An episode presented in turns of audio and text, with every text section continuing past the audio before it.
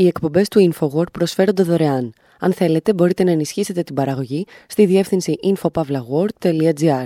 Η διεύθυνση infopavlagor.gr. Η εκπομπή InfoWord με τον Άρη Χατζηστεφάνου.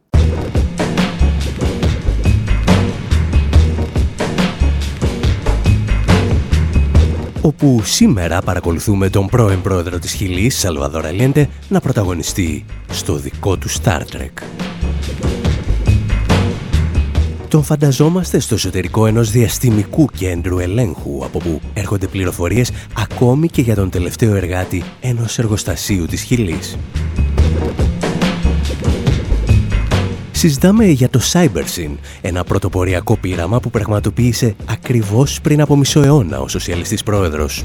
Και αναρωτιόμαστε εάν κάποιοι από αυτούς που δηλώνουν ότι και σήμερα πίνουν νερό στο όνομά του θα αποδέχονταν όσα επιχείρησε πριν από 50 χρόνια.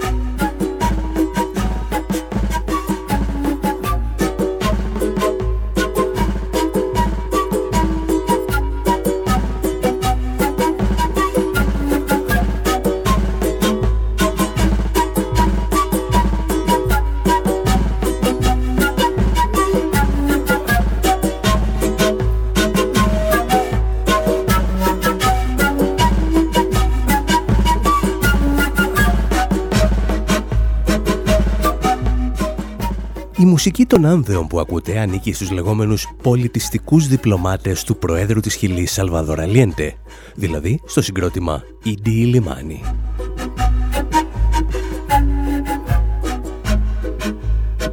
Θεωρούνται ακόμη και σήμερα ως οι βασικοί εκφραστές του ρεύματος Νουέβα Κανθιόν που ακολούθησε και παρακολούθησε επαναστάσεις και αντεπαναστάσεις στη Λατινική Αμερική και την Ιβυρική Χερσόνησο τη δεκαετία του 70 και του 80.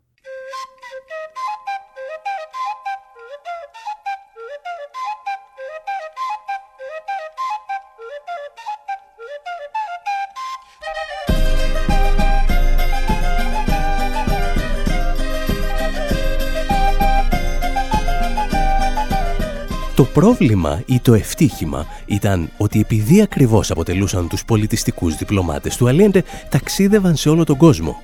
Και όταν σημειώθηκε το πραξικόπημα της 11 Σεπτεμβρίου του 1973 στη Χιλή, αυτοί ήταν σε περιοδία στην Ευρώπη και το έχασαν.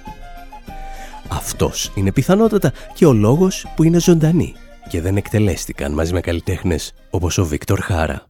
Por la posibilidad de interferencia la voy a transmitir en inglés. They say that Allende committed suicide and is dead now.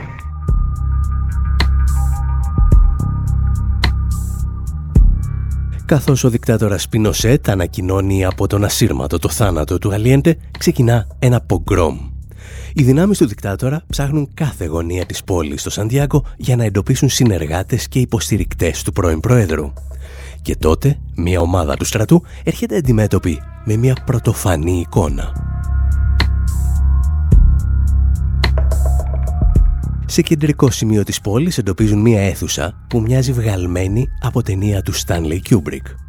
Στο κέντρο της υπάρχουν 7 λευκές περιστρεφόμενες πολυθρόνες και στο μπράτσο κάθε πολυθρόνας βρίσκεται ένα πάνελ με δεκάδες κουμπιά. Στους στίχους του δωματίου υπάρχουν μεγάλες και μικρές οθόνες που μεταδίδουν δεδομένα, ενώ δεκάδες λαμπάκια αναβοσβήνουν σε κάθε σημείο του δωματίου. Οι δυνάμεις του Πινοσέτ έχουν μόλις ανακαλύψει το κέντρο ελέγχου του Project Cybersyn, ενός πρωτοποριακού πειράματος που είχε ξεκινήσει ο Αλιέντε και οι συνεργάτες του, προετοιμάζοντας τη χώρα για το πέρασμα στον σοσιαλισμό. Picture the deck of the Starship Enterprise and you're not that far off. Φανταστείτε το κατάστρωμα του Αστρόπουλου Enterprise και η εικόνα δεν απέχει πολύ. Το δωμάτιο είχε σχήμα εξαγώνου με 7 λευκές καρέκλες από αλοβάβακα τοποθετημένε σε κύκλο να βλέπουν προς τα μέσα. Υπήρχαν πολύχρωμε διαθυμικές οθόνες που προέβαλαν διαγράμματα και γραφήματα και στους έξι τείχους.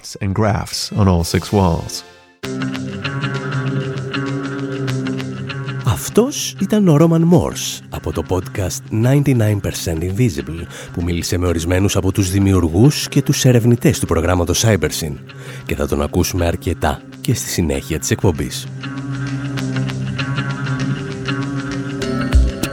Το Project Cybersyn θα εκτελούσε μια πολύ συγκεκριμένη λειτουργία. Καθημερινά θα συνέλεγε δεδομένα για τη λειτουργία κάθε εργοστασίου και κάθε παραγωγικής μονάδας στη χώρα – οι πληροφορίες θα κατέγραφαν αν υπάρχουν ελλείψεις σε πρώτες ύλες, ποια ήταν η παραγωγικότητα κάθε μονάδας, πόσοι εργάτες υπήρχαν ανα πάσα στιγμή σε κάθε εργοστάσιο και ούτω καθεξής. Every day, someone from a factory would send data via telex to another telex, where it would be received. Κάθε μέρα κάποιος από ένα εργοστάσιο θα έστειλε δεδομένα μέσω τηλετυπίας σε έναν άλλο τηλέτυπο, όπου αυτά θα γίνονταν δεκτά από έναν χειριστή, ο οποίος έπειτα θα τα περνούσε στο κεντρικό υπολογιστή. Το κεντρικό υπολογιστικό πρόγραμμα, το CyberStride, είχε τη δυνατότητα να αναλύει τα δεδομένα και να προειδοποιεί για πιθανά προβλήματα.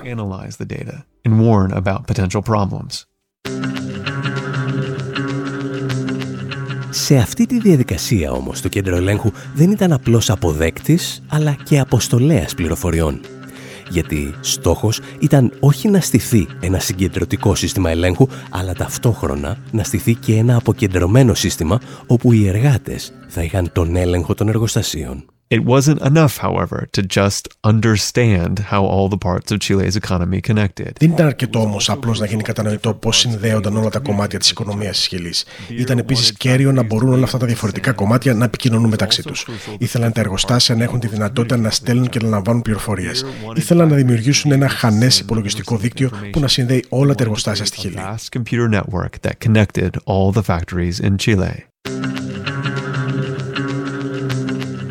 Το βασικό πρόβλημα βέβαια του Project Cybersyn ήταν ότι δημιουργήθηκε μερικές δεκαετίες πριν υπάρξει η κατάλληλη τεχνολογία για την μεταφορά των δεδομένων. Τα τέλεξ που χρησιμοποιούνταν αδυνατούσαν να ανταποκριθούν στον όγκο των πληροφοριών που έπρεπε να μεταφέρονται. Ακόμη και οι οθόνες ήταν ελαφρώς αστείες για τα σημερινά δεδομένα καθώς δεν μπορούσαν ας πούμε να σχηματίζουν αυτόματα γραφήματα για την πορεία μιας παραγωγικής μονάδας, οι χειριστές είχαν έτοιμα σχεδιασμένα γραφήματα τα οποία κολούσαν με μαγνήτες σε μεγάλα ταμπλό.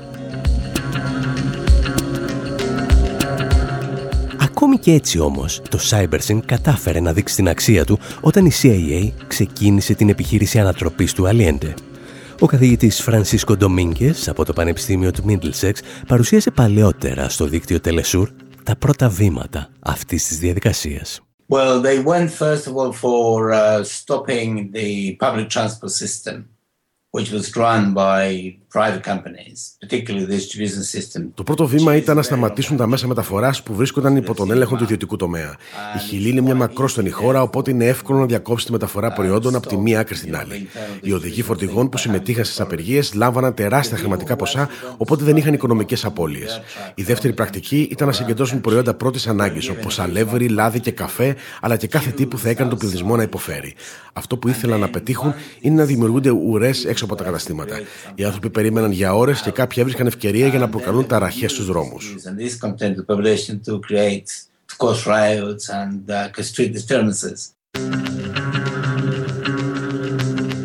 Όπως είχε αποκαλύψει και ο δημοσιογράφος Σίμουρ Χέρς στους New York Times, η CIA χρηματοδοτούσε τα συνδικάτα των οδηγών φορτηγών που ελέγχονταν από την άκρα δεξιά για να τραβήξουν χειρόφρενο στα οχήματά τους. Δεν είχαν υπολογίσει όμως το Project Cybersyn.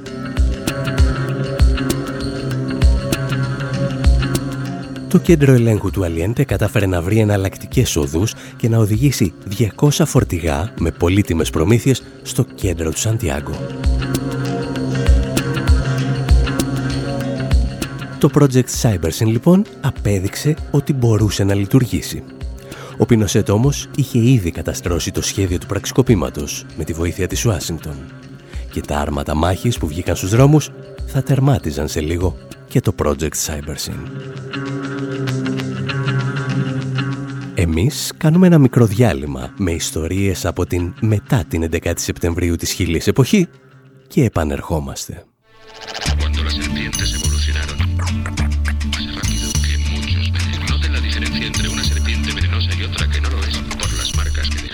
...1970... ...1970... ...1970... 1970. Nací un día de junio del año 77, planeta Mercurio y el año de la serpiente. Signo patente tatuado y en mi frente que en el vientre de mi madre marcaba el paso siguiente. Nacer llorar sin anestesia en la camilla. Mi padre solo dijo es Ana María. Sí sería el primer llanto que me probaría, que mandó las heridas y dándome la batería. Solía ser entonces como un libro abierto, pero leí la letra pequeña del texto. Como un arquitecto construyendo cada efecto. Correcto, incorrecto, se aprende todo al respecto. Saber que algunas personas quieren el daño. Subir peldaño toma tiempo, toma año. Con mi peluche mirando lo cotidiano, dibujos transformaban el invierno en gran verano. Papá me regaló bajo mi insistencia juego que trataba de compartir la solvencia. Pero en el patio hicieron la competencia, fue cuando sentí mi primera impotencia. 1970 y 1970 y 1970. 1977,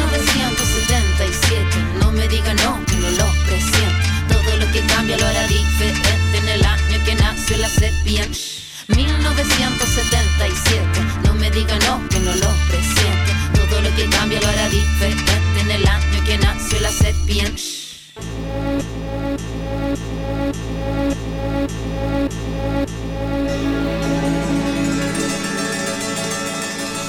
Adolescencia fue una etapa bizarra. El cuerpo es batería y la cabeza guitarra.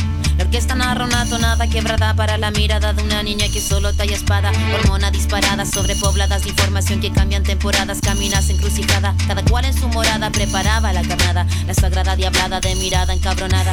Mi fila, la verdad, nunca. Στην εκπομπή Infowar με τον Άρη Χατζηστεφάνου ακούμε την χιλιανή τραγουδίστρια Άννα Τιχού να διηγείται ιστορίες για όσα ακολούθησαν το πραξικόπημα του Πινοσέτ στη Χιλή το 1973. Εμείς πάλι συζητάμε για το Project Cybersyn, το φουτουριστικό σχέδιο του Προέδρου Αλιέντε να οργανώσει και να συντονίζει την αυτόνομη παραγωγή των εργοστασίων της Χιλής. Αρκετοί υποστήριξαν έκτοτε ότι το Cybersyn δεν ήταν μία νέα αλλά μία παλιά ιδέα. Ήταν λένε μία σύγχρονη εκδοχή από το πανοπτικόν του Jeremy Bentham, ένα σύστημα που επιτρέπει τη συνεχή επίβλεψη των μερών του από κάποιο κεντρικό σημείο. Άλλοι υποστήριξαν ότι το μοντέλο λειτουργίας του Cybersyn στηριζόταν στα λεγόμενα War Rooms του Churchill, τα κέντρα ελέγχου δηλαδή, από τα οποία ο Βρετανός ηγέτης συγκέντρωνε διαρκώς πληροφορίες για κάθε εξέλιξη στα πεδία των μαχών του Δευτέρου Παγκοσμίου Πολέμου. Η ομοιότητα εδώ όμως είναι απλώς επιφανειακή. Το Cybersyn ήταν ακριβώς το αντίθετο από τα κέντρα επιχειρήσεων του Churchill. But unlike Churchill's war room, and this is a key difference, this was a room for non-hierarchical. Αντίθετα από το δωμάτιο πολέμου του Τσόρτσιλ, και αυτή είναι μια βασική διαφορά, αυτό ήταν ένα δωμάτιο μη ιεραρχικής λήψης αποφάσεων. Ο δημιουργός του φαντάστηκε τους εργάτες του εργοστασίου και τους υψηλόβαθμους γραφειοκράτες να λαμβάνουν αποφάσεις από κοινού.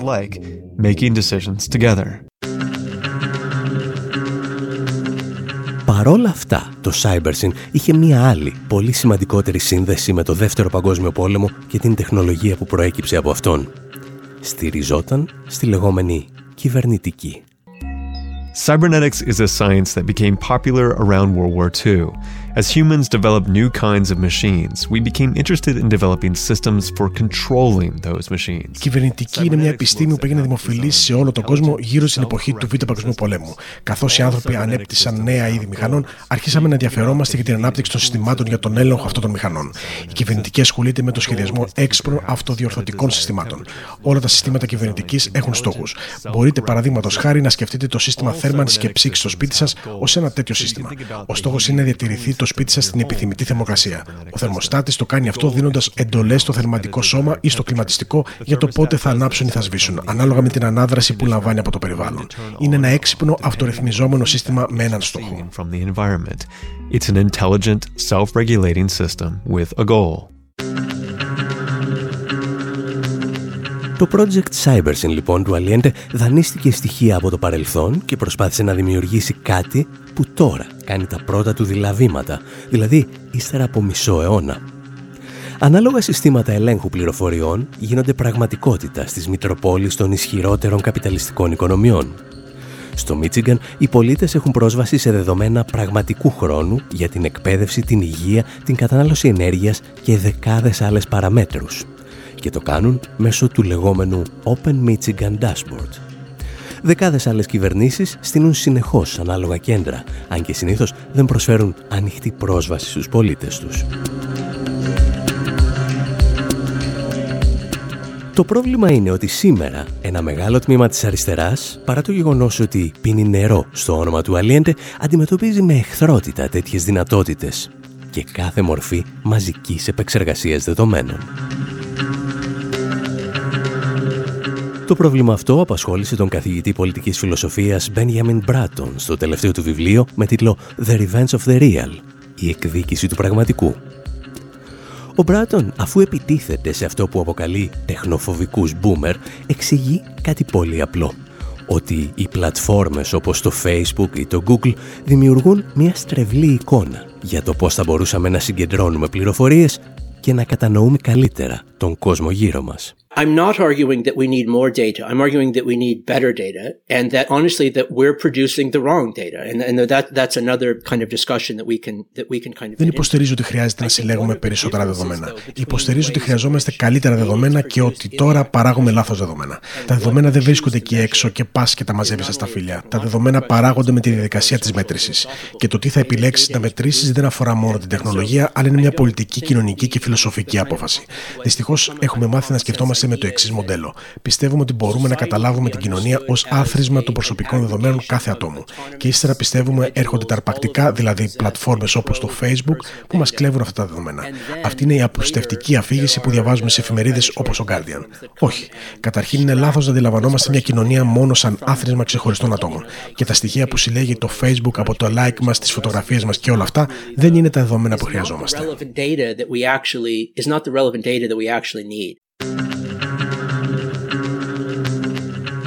Ο Μπένιαμιν Μπράτον πιστεύει ότι μια κοινωνία οφείλει συνεχώς να συλλέγει και να επεξεργάζεται στοιχεία για κάθε λειτουργία της. Και αυτό δεν αποτελεί παραβίαση της ατομικής ελευθερίας κάθε ατόμου, όπως ίσως πιστεύουν ορισμένοι. Για την ακρίβεια, ίσως αυτό να προσπαθούσε να πετύχει και ο Αλιέντε με το project Cybersyn. Να συγκεντρώσει τα σωστά δεδομένα που θα του επέτρεπαν να οργανώσει και να ρυθμίσει μια μελλοντική σοσιαλιστική κοινωνία. Ίσως πάλι, αντί να κάνουμε εμείς υποθέσεις, καλύτερα να κλείσουμε αυτό το πρώτο μέρος της εκπομπής με μία δήλωση που είχε κάνει ένας από τους προτεργάτες του Project Cybersyn, ο στενός συνεργάτης του Aliente, Φερνάντο Φλόρες. We were thinking that we were doing something great, good for people and good for humanity. Πιστεύαμε ότι κάναμε κάτι σπουδαίο, κάτι πολύ καλό για το λαό και την ανθρωπότητα. Όταν είσαι ερωτευμένος με κάποιον, τον σκέφτεσαι 24 ώρες το 24ωρο. Δουλεύαμε σε μια μεγάλη περιπέτεια. Ολόκληρη χώρα ήταν μια περιπέτεια για τους ανθρώπους που πίστευαν στον Αλιέντε.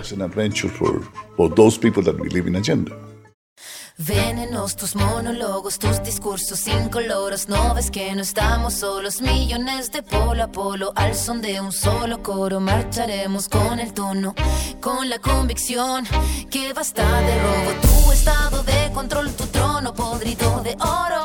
Tu política y tu riqueza y tu tesoro, no. La hora sonó, la hora sonó. No permitiremos más, más tu doctrina del shock. La hora sonó, la sonó. La hora sonó, la hora sonó. La hora sonó, la hora sonó. La hora sonó, la hora sonó.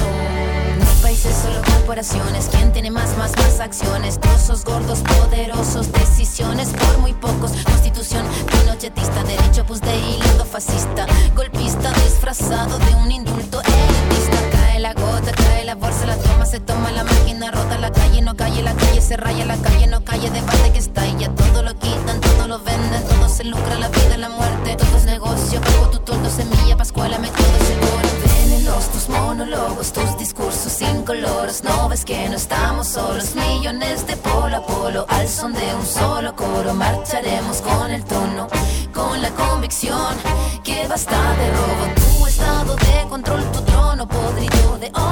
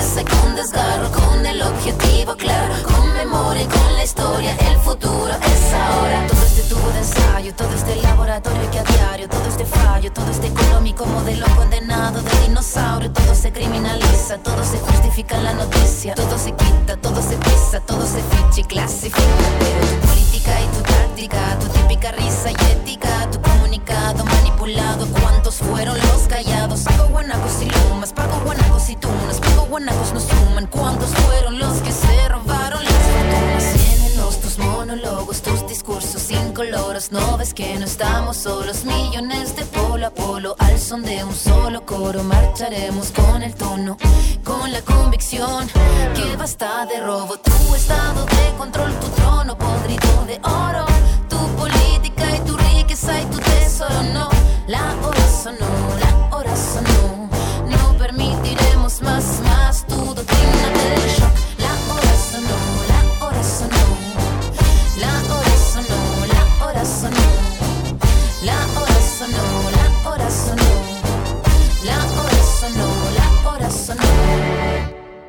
Οι εκπομπές του InfoWord προσφέρονται δωρεάν. Αν θέλετε, μπορείτε να ενισχύσετε την παραγωγή στη διεύθυνση infopavlagor.gr.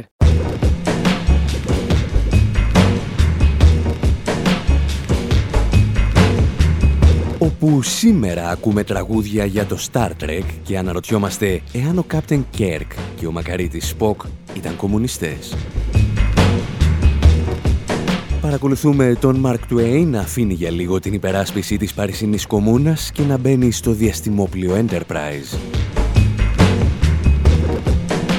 Φανταζόμαστε μια κοινωνία χωρίς χρήματα, όπου η συσσόρευση κεφαλαίου δεν είναι πρωταρχικός στόχος της ανθρωπότητας και την βρίσκουμε σε ένα διαστημόπλιο του 24ου αιώνα. Ζητάμε όμως και τη βοήθεια των Beastie Boys και ακούμε τραγούδια που αναγνωρίζετε χωρίς να ξέρετε ότι αναφέρονται στο Star Trek.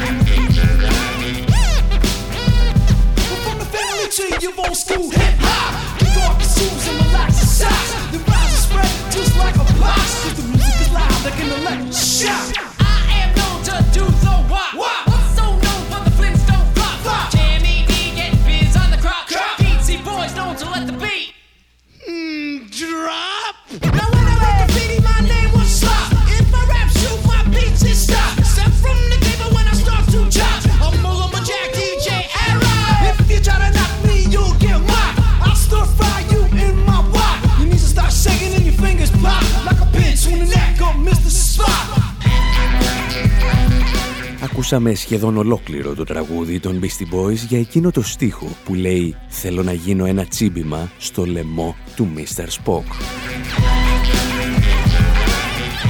Αυτό που προς το παρόν θέλουμε όμως να συγκρατήσετε είναι ότι το Star Trek έχει αφήσει τα πολιτισμικά του ίχνη και σε γωνιές που δεν θα μπορούσαμε να φανταστούμε. Μόνο οι Beastie Boys που ακούγαμε έχουν αναφορές στο Star Trek σε πέντε τραγούδια τους, ενώ τα ονόματα Star Trek, Captain Kirk και Mr. Spock ακούγονται και σε τραγούδια των R.E.M., των Orbital, των Red Hot Chili Peppers και δεκάδων άλλων συγκροτημάτων. Τα τελευταία χρόνια μάλιστα το Star Trek τιμά αυτά τα συγκροτήματα ακούγοντας τραγούδια τους μέσα στην τηλεοπτική και κινηματογραφική σειρά, όπως λόγου χάρη το Σαμποτάζ.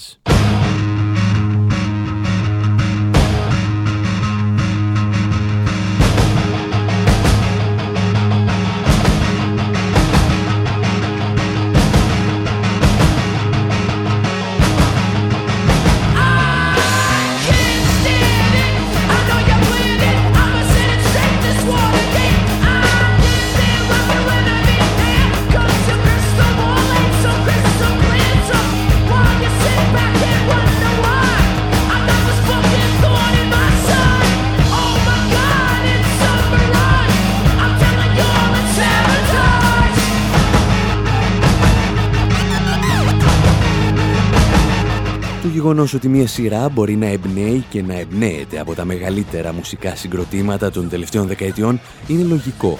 Αρκεί να σκεφτεί κανείς ότι το Star Trek είναι μαζί μας από το 1966. Και ο λόγος για τον οποίο είναι ακόμη μαζί μας είναι ενδεχομένος, γιατί εκεί, στα μέσα της δεκαετίας του 60, αποτέλεσε ένα πραγματικό σαμποτάζ στην Αμερικανική κοινωνία.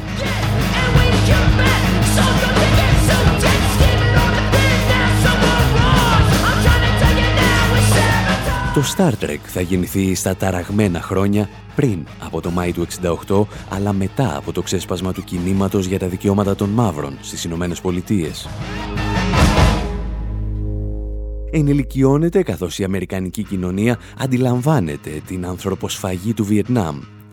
Την ίδια στιγμή όμως κοιτάζει με δέος και τα αστέρια. Είναι η εποχή που η τεχνολογία των διυπηρωτικών πυράβλων στέλνει τους πρώτους ανθρώπους στο διάστημα. Είναι η εποχή που η σύγκρουση Ηνωμένων Πολιτειών και Σοβιετικής Ένωσης γίνεται ακόμη με φόντο την τεχνολογική και οικονομική ανάπτυξη. Ένα ερώτημα που θα έπρεπε να σας απασχολεί είναι ποιος θα μπορούσε να συνδέσει όλα αυτά τα στοιχεία σε μια τηλεοπτική σειρά.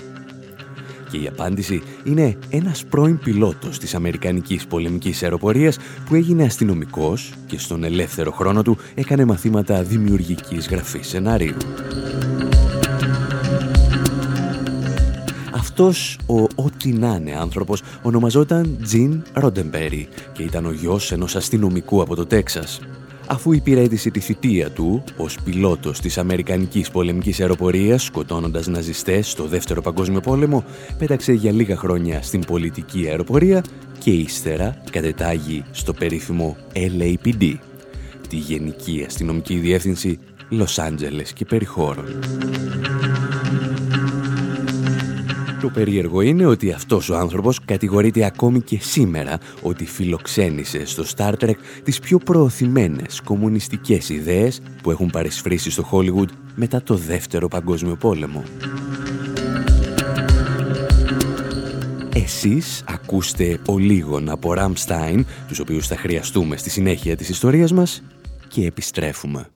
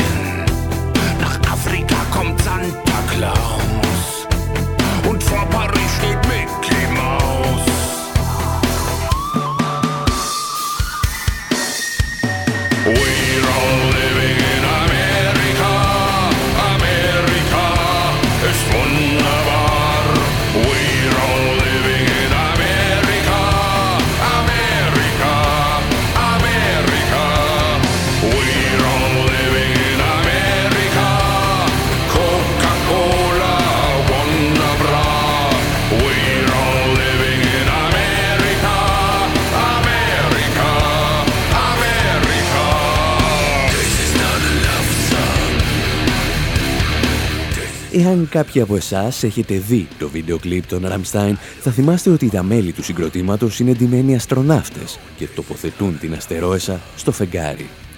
Και αφού τελειώνουν τη δουλειά τους, στείλουν το περίφημο φλιπεράκι Star Trek και πλακώνονται για το ποιος θα παίξει πρώτος. Αν θυμάστε που τα λέγαμε και παλαιότερα, ο ιδρυτής του συγκροτήματος, Ρίτσαρντ Κρούσπε, ήταν ένας από τους τελευταίους Ανατολικογερμανούς που πέρασαν παράνομα από το τείχος του Βερολίνου λίγες ημέρες πριν ανοίξει επισήμως. Οι Ραμστάιν έφευγαν από μια χώρα που τους υποσχόταν τον κομμουνισμό ενώ τους προσέφερε ένα αυταρχικό σύστημα και πήγαιναν προς μια χώρα που υποσχόταν καπιταλισμό αλλά έβλεπε παλιές αμερικανικές τηλεοπτικές σειρές που ονειρεύονταν στα κρυφά τον κομμουνισμό. Και όσοι υποστηρίζουν ακόμη και σήμερα ότι το Star Trek στα πρώτα του επεισόδια φλέρταρε στα κρυφά με το κομμουνιστικό μανιφέστο, συνήθως επικαλούνται την παρακάτω φράση του Captain Picard, διοικητή του USS Enterprise. A lot has changed in the past 300 years. Πολλά πράγματα άλλαξαν τα τελευταία 300 χρόνια. Οι άνθρωποι δεν έχουν πλέον αιμονή με τη συσσόρευση αγαθών. Εξαλείψαμε την πείνα και την ανάγκη της ατομικής ιδιοκτησίας. Ενηλικιωθήκαμε. The need for possessions we've grown out of our infancy. Αν πιστεύετε ότι πρόκειται απλώς για μια τυχαία φράση που του κατέβηκε στο μυαλό, περιμένετε να ακούσετε τι έλεγε για την οικονομία του 24ου αιώνα, στην οποία ζούσε και ο ίδιος. The economics of the future is somewhat different. Η οικονομία του μέλλοντος είναι διαφορετική. Δεν υπάρχουν χρήματα στον 24ο αιώνα. Δεν πληρωνόμαστε. Η απόκτηση πλούτου δεν καθορίζει πλέον τις ζωές μας. Εργαζόμαστε για να βελτιώσουμε τον εαυτό μας και ολόκληρη την ανθρωπότητα. We work to better ourselves and the rest of humanity. Οι ήρωες λοιπόν του Star Trek ζουν σε μια αταξική κοινωνία, χωρίς χρήματα, όπου η αλωτριωμένη εργασία έχει δώσει τη θέση της στην εργασία ως πηγή χειραφέτησης του ανθρώπου και οι σχετικές αναφορές δεν σταματούν εδώ. Οι κακοί του Star Trek, οι περίφημοι Φερέγγι, αποτελούν τον ορισμό της καπιταλιστικής απληστίας. Με οικονομικούς όρους θα λέγαμε ότι ανήκουν στη σχολή των νεοκλασικών οικονομικών. Στηρίζουν δηλαδή την ύπαρξή τους στις θεωρίες προσφοράς και ζήτησης. Κυρίως όμως θεωρούν ότι η απληστία και η ιδιοτέλεια είναι απαραίτητα στοιχεία για την αύξηση του πλούτου μιας κοινωνίας. Ή, όπως έλεγε και ο περίφημος Data στο Star Trek, οι Φερέγγοι συνοψίζουν τις χειρότερες πτυχές του καπιταλισμού. I believe the analogy refers to the worst quality of capitalists. Στο Star Trek λοιπόν, οι κακοί είναι καπιταλιστές και οι καλοί είναι τουλάχιστον αντικαπιταλιστές. Όπως λόγου χάρη ο Mark Twain, που κάνει την εμφάνισή του σε ένα από τα επεισόδια. Ο μεγαλύτερος κατήγορος της καπιταλιστικής εκμετάλλευσης του 19ου αιώνα βρίσκεται σε ένα επεισόδιο στο εσωτερικό του Enterprise. Και όταν μία κοπέλα του εξηγεί πώς λειτουργεί η κοινωνία αλλά και η οικονομία του Star Trek, ο κόσμος που γνώριζε ανατρέπεται. Young lady, I come from a time when men achieved power and wealth by standing on the backs. Έρχομαι από μια εποχή όπου οι άνθρωποι εξασφάλιζαν ισχύ και πλούτο πατώντας τις πλάτες των φτωχών. Οι υποκαταλήψεις και η αδιαλαξία ήταν ο κανόνας και η εξουσία αποτελούσε αυτό σκοπό. Και εσύ μου λες ότι όλα αυτά δεν ισχύουν πια. Αν είναι έτσι, ίσως και να αξίζει να κόψω το κάπνισμα. It's worth giving up cigars for, after all.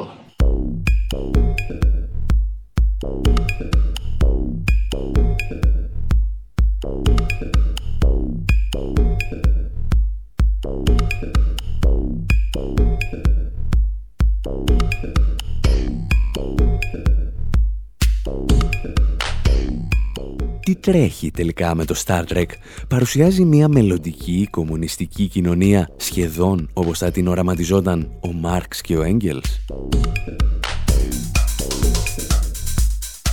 Η απάντηση είναι προφανώς όχι, ειδικά εάν έχετε δει τα τελευταία επεισόδια. Ίσως όμως πρόκειται για την πλησιέστερη απόδοση που έχουμε σε αμερικανική τηλεοπτική σειρά από την ανακάλυψη της τηλεόρασης. Το βέβαιο είναι ότι αρκετοί οικονομολόγοι έχουν χρησιμοποιήσει το Star Trek για να θεμελιώσουν ή να εκλαϊκεύσουν τις θεωρίες τους. Και για να το πετύχουν, συχνά το αντιπαραβάλλουν με το Star Wars.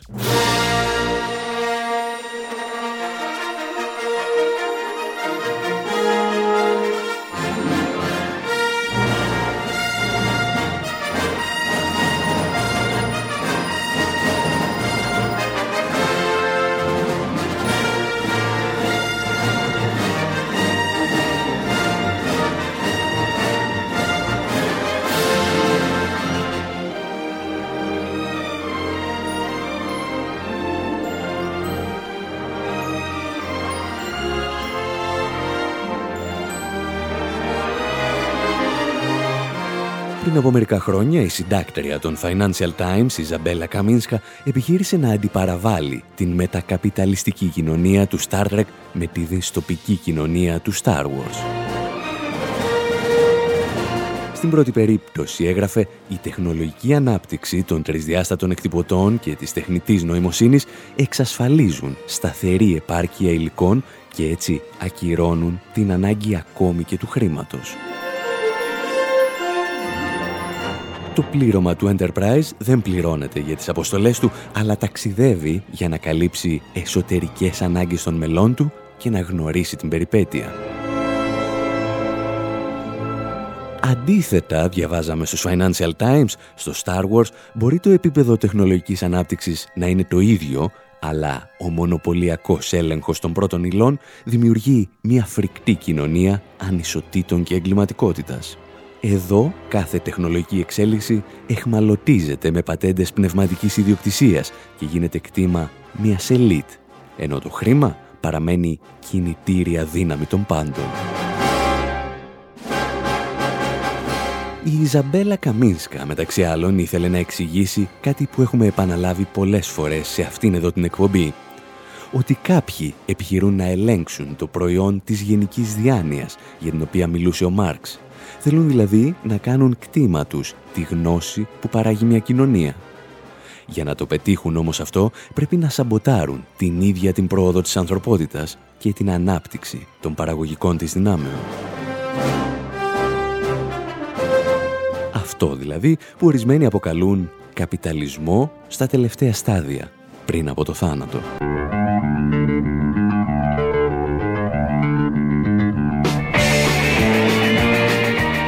Εμείς πάλι Κάπου εδώ λέμε να σας αφήσουμε και για αυτή την εβδομάδα.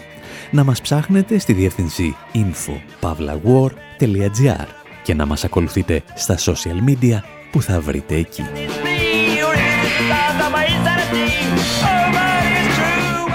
Από τον Άρη Χατζηστεφάνου στο μικρόφωνο και τον Δημήτρη Σταθόπουλο στην τεχνική επιμέλεια, γεια σας και χαρά σας.